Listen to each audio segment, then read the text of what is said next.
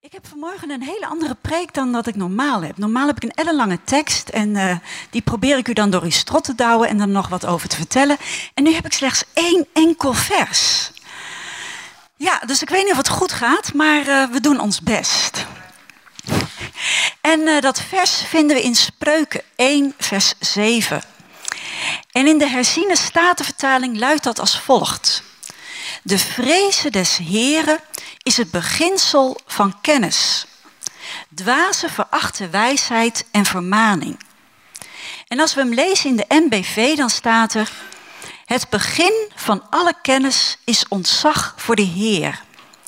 Een dwaas veracht de wijsheid en weigert elk onderricht. En de vrezen des Heeren en het ontzag voor de Heer, dat zijn synoniem. Ze proberen allebei hetzelfde uit te drukken. En als we dan kijken naar het begin van alle kennis. Nou, begin is niks anders dan wortel, oorsprong en bron. Dus de bron, de wortel van, alles, van alle kennis is de vrezen des Heer. En kennis is niks anders dan bekwaamheid, competentie, kundigheid, cognitie en kenvermogen. Ik zal het straks niet overhoren hoor. Maar het is gewoon informatie. Kennis is gewoon informatie. En daarbij maakt spreuken een onderscheid tussen een opeenhoping van informatie en ware kennis. En ware kennis houdt dan in dat je de informatie die je hebt, de bekwaamheid die je hebt, dat je die bekijkt vanuit het juiste perspectief en met het juiste doel inzet. Dat is ware kennis. En in feite zit Paulus op exact dezelfde lijn als spreuken. Maar goed, Paulus was ook doorkneed in de Joodse wet, dus hij kent de spreuken op zijn duimpje. Want ook hij heeft het over kennis die opgeblazen maakt en kennis die naar de godsvrucht is. En in overeenstemming dan met die godsvrucht. En alleen kennis die in overeenstemming is met die godsvrucht, dan zie je jouw kennis, jouw informatie, jouw bekwaamheid, zie je vanuit het juiste perspectief en uh, gebruik je hem ook voor het juiste doel. Stel je hebt twee mensen, Peter en ik, we hebben, nou ja, oké, laten we even doen alsof we dezelfde kennis hebben. Hij heeft kennis op een heel ander vlak dan ik, alhoewel grote overlappen hebben we ook. Maar uh, ik gebruik mijn kennis gewoon om een uh, goede baan te krijgen, zodat ik een beetje aanzien en status verwerf en ook lekker dik verdien. Terwijl Peter zijn kennis gebruikt, hij ziet het als iets wat hij van God heeft gekregen en hij gebruikt het om God te dienen. Ja, ook hij heeft een baan, maar zijn doel is daarin anders. Het gaat hem daarin niet om zijn status, maar het gaat hem daarin om in zijn baan gewoon God te dienen en te verheerlijken, door te leven als een getuigenis. En dan bezit Peter de ware kennis. En ik heb ook kennis, maar het is niet de ware. Omdat ik hem niet vanuit het juiste perspectief en vanuit het juiste doel gebruik. En de meest belangrijke kennis die er is, dat is het kennen van God. In uh, Johannes 17, vers 3 zegt Jezus dat heel duidelijk. Dit nu is het eeuwige leven, dat zij u kennen, de enige waarachtige God en Jezus Christus, die gij gezonden hebt. En met het kennen van God begint in feite alle kennis. Dat is de bron, de oorsprong, de wortel van alle kennis. En als je God kent, dan heb je veel meer in huis dan wanneer je alle wijsheid van de wereld zou kennen. Dat is het ware kennen. En spreuken zegt dus dat die ware kennis niet ontstaat door heel veel informatie te verzamelen, door je vaardigheden te ontwikkelen, door competitief te worden. Nee, ze zeggen dat die kennis ontstaat, dat die zijn wortel vindt in ontzag voor de Here, in vrees des Heren. Die vrees van God, die moet de bron, die moet de wortel zijn van jouw kennen. En het is juist die vrees van God die ervoor zorgt dat we dat juiste perspectief houden. En dat we de dingen die we weten en kunnen met het juiste doel gaan gebruiken. En het is onze visie op het leven die bepaalt hoe we leven. vanuit ware kennis of uit informatie. Maar wat is nou eigenlijk vrees? Wat is nou eigenlijk ontzag? Nou, als je het woordenboek erop naslaat, dan zie je dat het wordt gedefinieerd als een mengeling van angst, diepe eerbied en verwondering. En als een onderdanige en bewonderende vrees die wordt geïnspireerd door gezag. Kort samengevat, vrees is angst, eerbied, bewondering, verwondering. Angst, eerbied, bewondering, verwondering. Dat zit in de vrees, dat zit in ontzag. Angst. Mag ik verder gaan? Of, uh... Ja, nu heb ik jullie wel, hè? Anno 2016 in een gemeente die leeft van genade, angst. Hoehoe. Kan dat nog?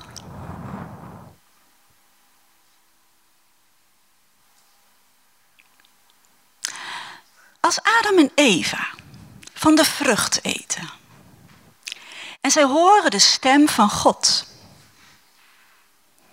dan verstoppen ze zich uit vrees voor God. En laten we eerlijk zijn. Het zou het toppunt van arrogantie zijn geweest als ze op dat moment niet bang zouden zijn geweest voor God. Toch? In Romeinen 3, vers 9 tot 19 schrijft Paulus: Zijn wij voortreffelijker? Beslist niet. Wij hebben immers zojuist en Joden en Grieken beschuldigd dat zij allen onder de zonde zijn, zoals geschreven staat. Er is niemand rechtvaardig, ook niet één. Allen zijn afgedwaald. Er is niemand die goed doet. Hun keel is een open graf. Hun mond is vol vervloeking. De weg van de vrede hebben zij niet gekend. De vreze Gods staat hun niet voor ogen. De mensen vrezen God niet. En daardoor zijn ze niet bang voor zijn oordeel. Ze handelen alsof er geen God bestaat, alsof er geen Almachtige is die hen kan en die het recht heeft om hen te oordelen. In feite ontkennen ze zijn hele bestaan doordat ze hem niet vrezen. En kenmerkend voor die goddelozen, voor die mensen die hem niet vrezen, is dat ze niet bang zijn voor God. Ja, ze kennen hem niet. Ja, boeit dat? Wie is dat? Heb je mijn spierbal al gezien? Als je God niet kent, waarom zou je dan bang voor hem zijn? En Farao is daarvan het klassieke voorbeeld. Het is toch zo fijn dat Farao geleefd heeft. Hè? Zoveel bijbelverhalen die we daardoor te danken hebben. Maar wat zegt Farao? Mozes komt bij hem de eerste keer en dan zegt hij: God heeft mij gestuurd en hij heeft gezegd dat u het volk moet laten gaan, want wij mogen God gaan aanbidden. En wat zegt Farao dan in Exodus 5? Wie is de Heere naar wiens stem ik zou moeten luisteren door Israël te laten gaan? Ik ken de Heere niet. En ik zal Israël niet laten gaan. Farao kent geen vrees voor God, want hij kent God niet. En daarom houdt hij zich ook niet bezig met het oordeel wat God zou kunnen vellen. Hij is daar helemaal niet bang voor, want hij kent God niet. En als de Egyptenaren al door zeven plagen zijn getroffen en je zou verwachten dat ze een beetje beginnen te begrijpen wie God is, dan komt Mozes opnieuw bij de farao. En wat zegt Mozes dan? Maar wat u en uw dienaren betreft, Ik weet dat u nog niet voor het aangezicht van God zult vrezen.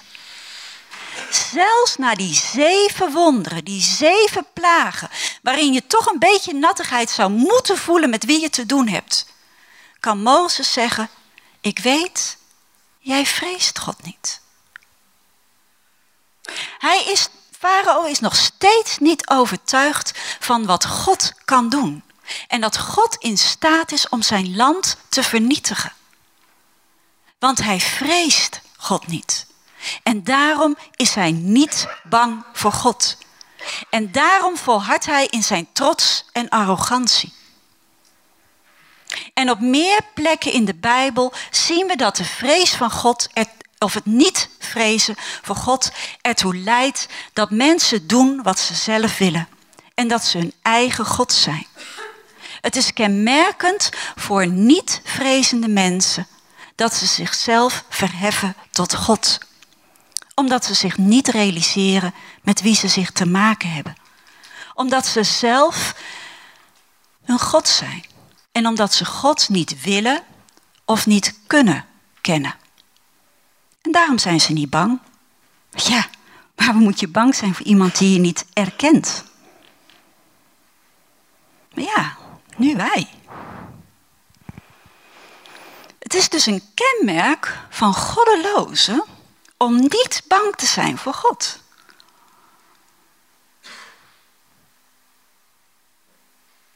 Dat betekent dat een gelovige bang zou moeten zijn voor God. Toch? Begrijpt u mijn redenatie? Als het een kenmerk is van een goddeloze, dat hij God niet vreest en niet bang is voor God. En wij zijn gelovigen, dan zouden wij dus wel God moeten vrezen en in feite bang moeten zijn voor God.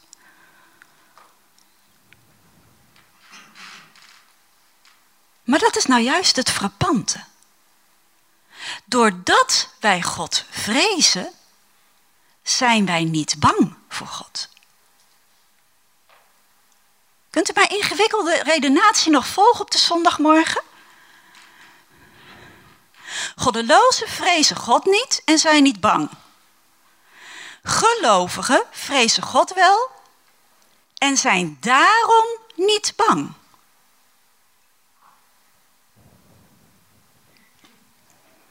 Wat dat betreft zijn we dus precies gelijk aan de goddelozen. We zijn geen van beiden bang. En de goddeloze is onterecht niet bang, omdat hij God niet vreest. Terwijl de gelovigen, terwijl wij terecht niet bang zijn, omdat we God wel vrezen. Maar als niemand bang is, waarom hoort bij vrees dan angst? Zou je dat dan niet beter kunnen skippen? Waarom zegt dan een woordenboek dat een kenmerk van vrees en ontzag angst is? Want niemand is dus bang. Omdat het er wel degelijk bij hoort. Want als christenen weten wij heel erg goed dat we alleen door het verlossende werk van zijn zoon niet doodsbang hoeven te zijn voor Christus. Als Christus niet zijn verzoenende werk had gedaan, dan zouden we als de dood voor God moeten zijn. Lewis vertelt dat heel erg mooi in een van zijn boeken over uh, Narnia. In de leeuw en het land van de klerenkast.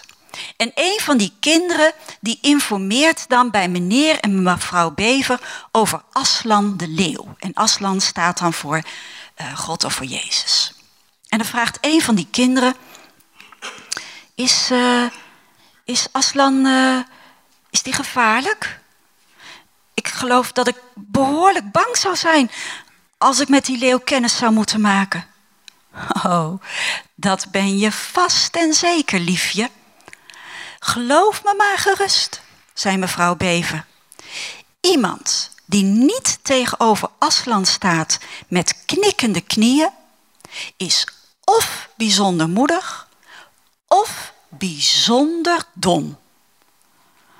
Dus uh, hij is toch gevaarlijk? zegt Lucie. Gevaarlijk, zei meneer Bever. Hoor je niet wat mevrouw Bever zegt? Niemand heeft gezegd dat hij niet gevaarlijk is. Natuurlijk is hij gevaarlijk. Maar hij is goed. Hij is onze koning. Dat zei ik toch al? God is dus gevaarlijk. God is gevaarlijk voor degene die zijn koninkrijk schade aanbrengt. Maar wij hoeven ongelovigen geen angst aan te praten. Wij hoeven niet tegen te zeggen: Oh, joh, uh, je gaat regelrecht. Uh, het gaat verkeerd. Dat hoeft niet. En we hoeven ze die angst ook niet te laten ervaren. Maar laat het wel voor ons een aanmoediging zijn, een aansporing zijn om hen uit die gevarenzone te halen. Als je iemand ziet zwemmen te midden van de haaien, dan ga je toch ook niet denken, nou, ik wacht wel tot hij gebeten wordt. En dan komt hij er vanzelf achter dat het heel stom is dat hij daar ging zwemmen. Dan pluk je toch ook iemand er zo uit, dan zet je hem veilig op de kant en dan zeg je, joh, moet je kijken waar je je in bevond. Het was niet slim om daarin te gaan zwemmen. En dan zal die ander, hoop je, tot de erkenning komen, nee, dat was niet slim. En zo mogen wij ook, terwijl we dat gevaar zien voor die ongelovigen, mogen wij hun eruit gaan plukken en op de kant gaan zetten. En zeggen, joh, was levensgevaarlijk wat je deed. Die haaien waren pinnits bij waar jij je in bevond. Kom uit die gevarenzone en leer God vrezen.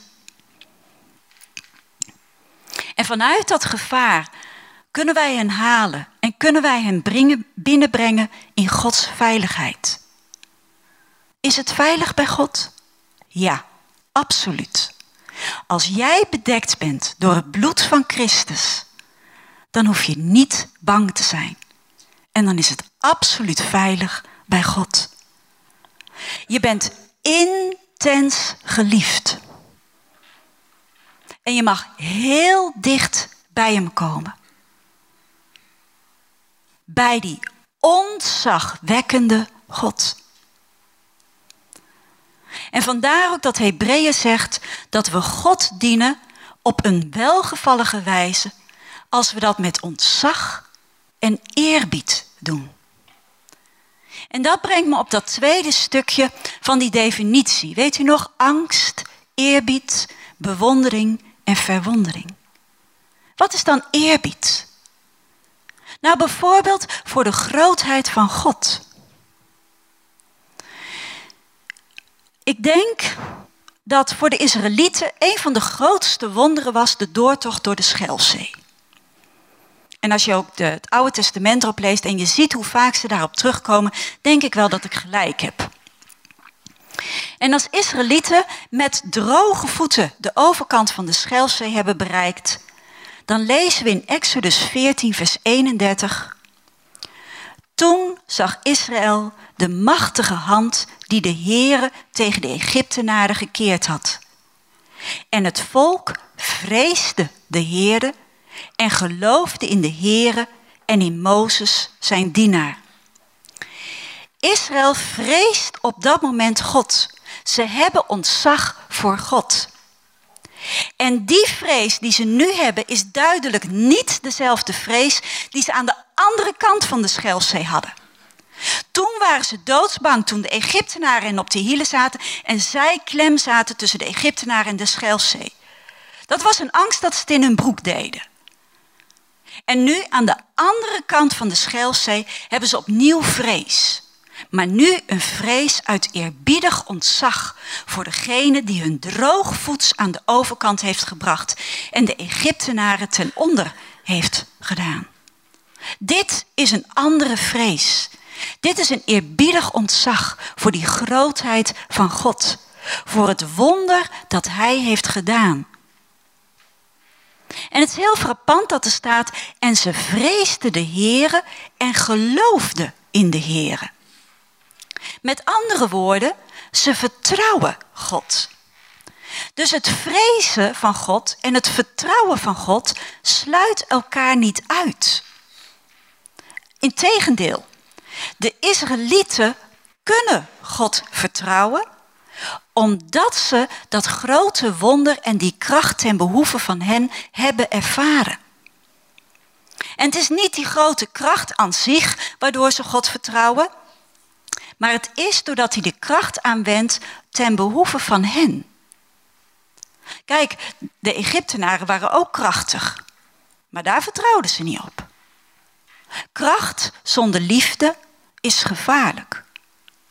Maar doordat God zijn kracht en zijn liefde liet samengaan, werd het een redding voor hen. En konden ze daarop op hem vertrouwen. En dat roept vrees en geloof op. Als je ziet dat kracht en liefde samengaan.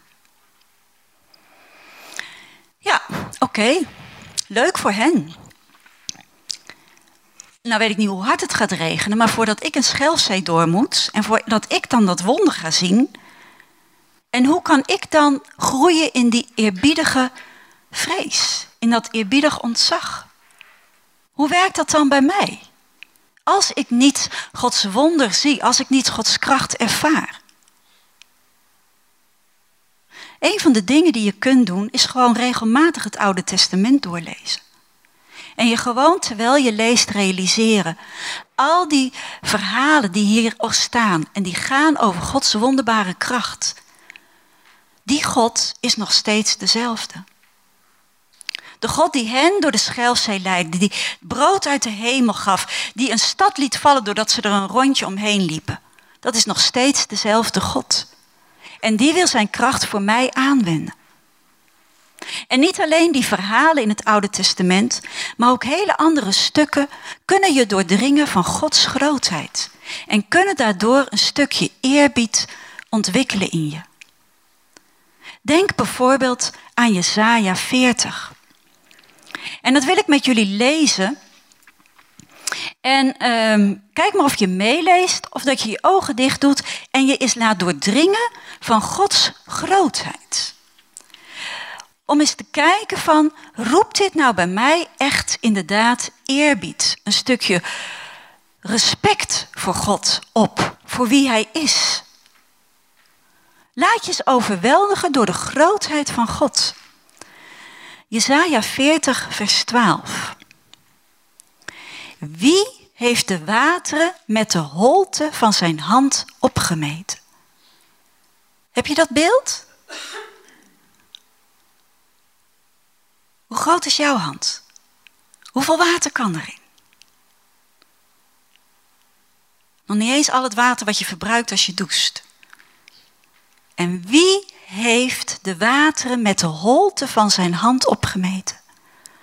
Of van de hemel met een span de maat genomen? Een span is tussen vinger en pink, eh, tussen duim en pink. En daarmee heeft hij de hele hemel opgemeten. Ik kom niet verder dan uh, eh, 15 centimeter. En de hemel is echt groter dan 15 centimeter. Of het stof van de aarde met een maatbeker gevat. Of de bergen gewogen in een waag. Of de heuvels op een weegschaal. Zie je dat al voor je? Al die heuvels, ja voor Nederlanders is dat wat lastiger, maar als je ooit eens in het buitenland bent geweest, al die heuvels even op een weegschaaltje zetten.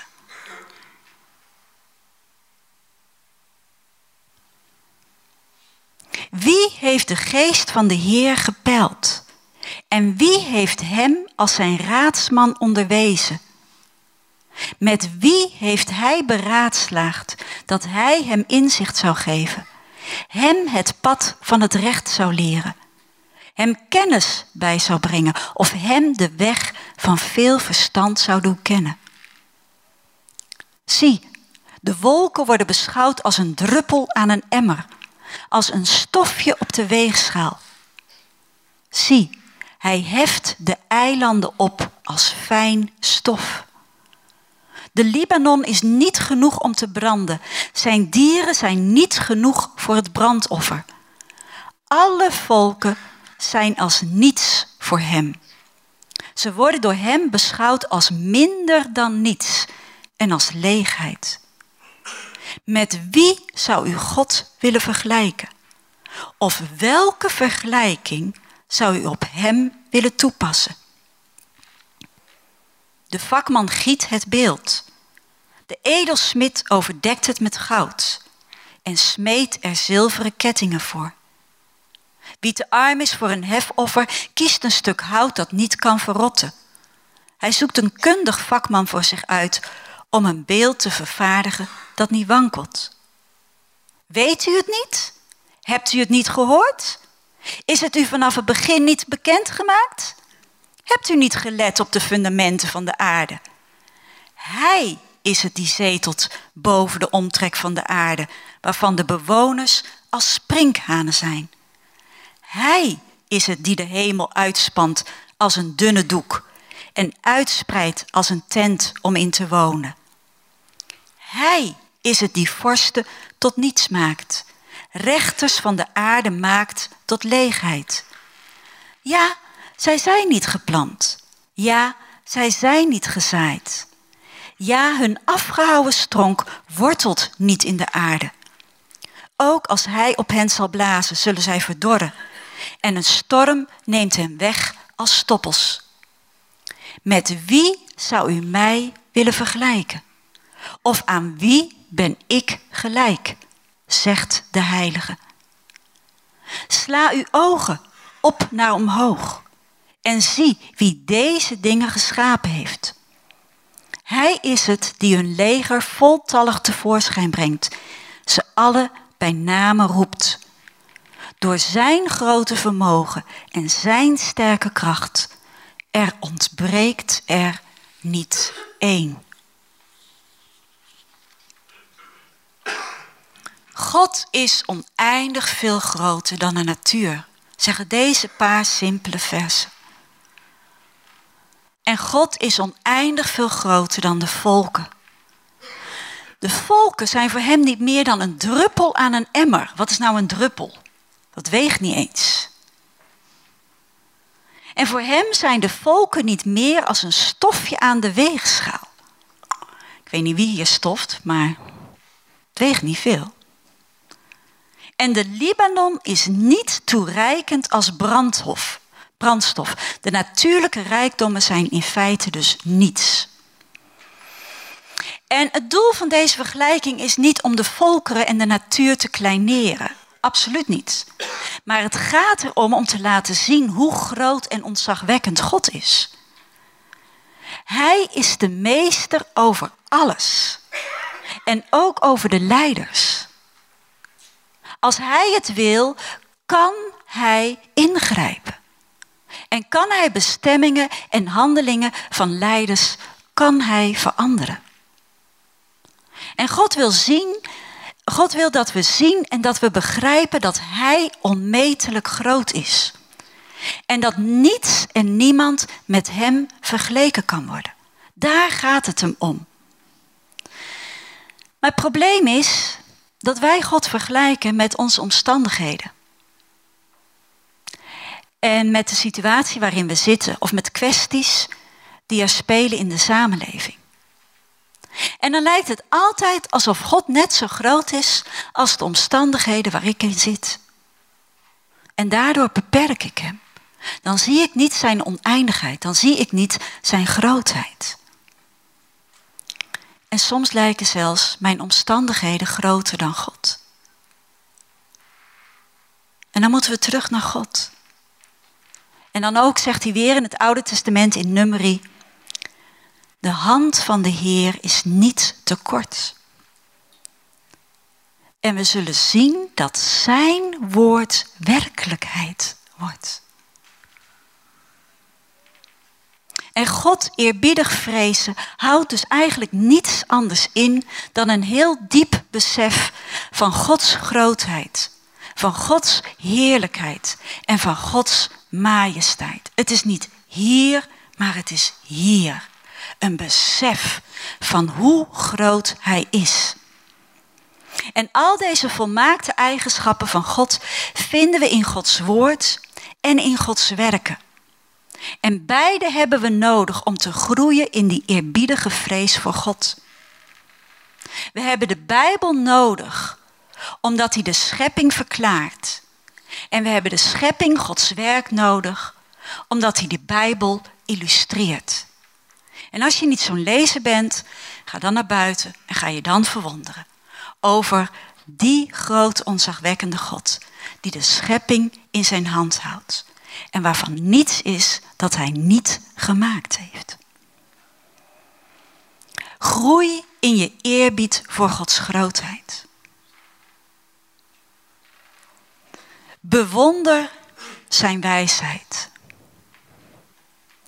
En als je zijn liefde goed begrijpt, dan zul je verbijsterd zijn door verwondering. In de fysische wereld zijn twee tegengestelde krachten. De middelpunt vliedende kracht en de middelpunt zoekende kracht. De middelpunt vliedende kracht, dat is de kracht die zorgt dat als ik een slinger heb, dat die slinger in een eh, boog weggaat. En al nagelange mijn touw zoekt hij al de ruimte die hij heeft. Maar hij vliet weg van dat middelste stuk wat hem vasthoudt. Middelpunt zoekende kracht is juist die kracht die zorgt uh, dat het toch naar um, dat punt wat draait getrokken wordt. En beide krachten zijn essentieel. En als één kracht het begeeft, dan vlieg je uit de bocht.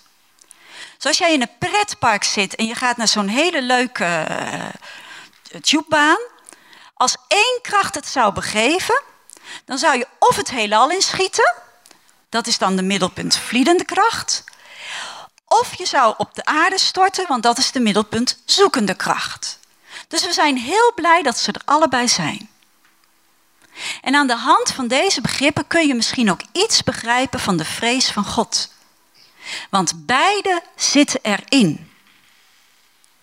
Het is dat uh, die middelpuntvliedende kracht, dat kun je dan vergelijken eigenlijk met die grote eigenschappen van God, waardoor je eigenlijk eerbiedige afstand neemt. Dat is zijn grootheid. Dat is zijn majesteit. Dat is zijn.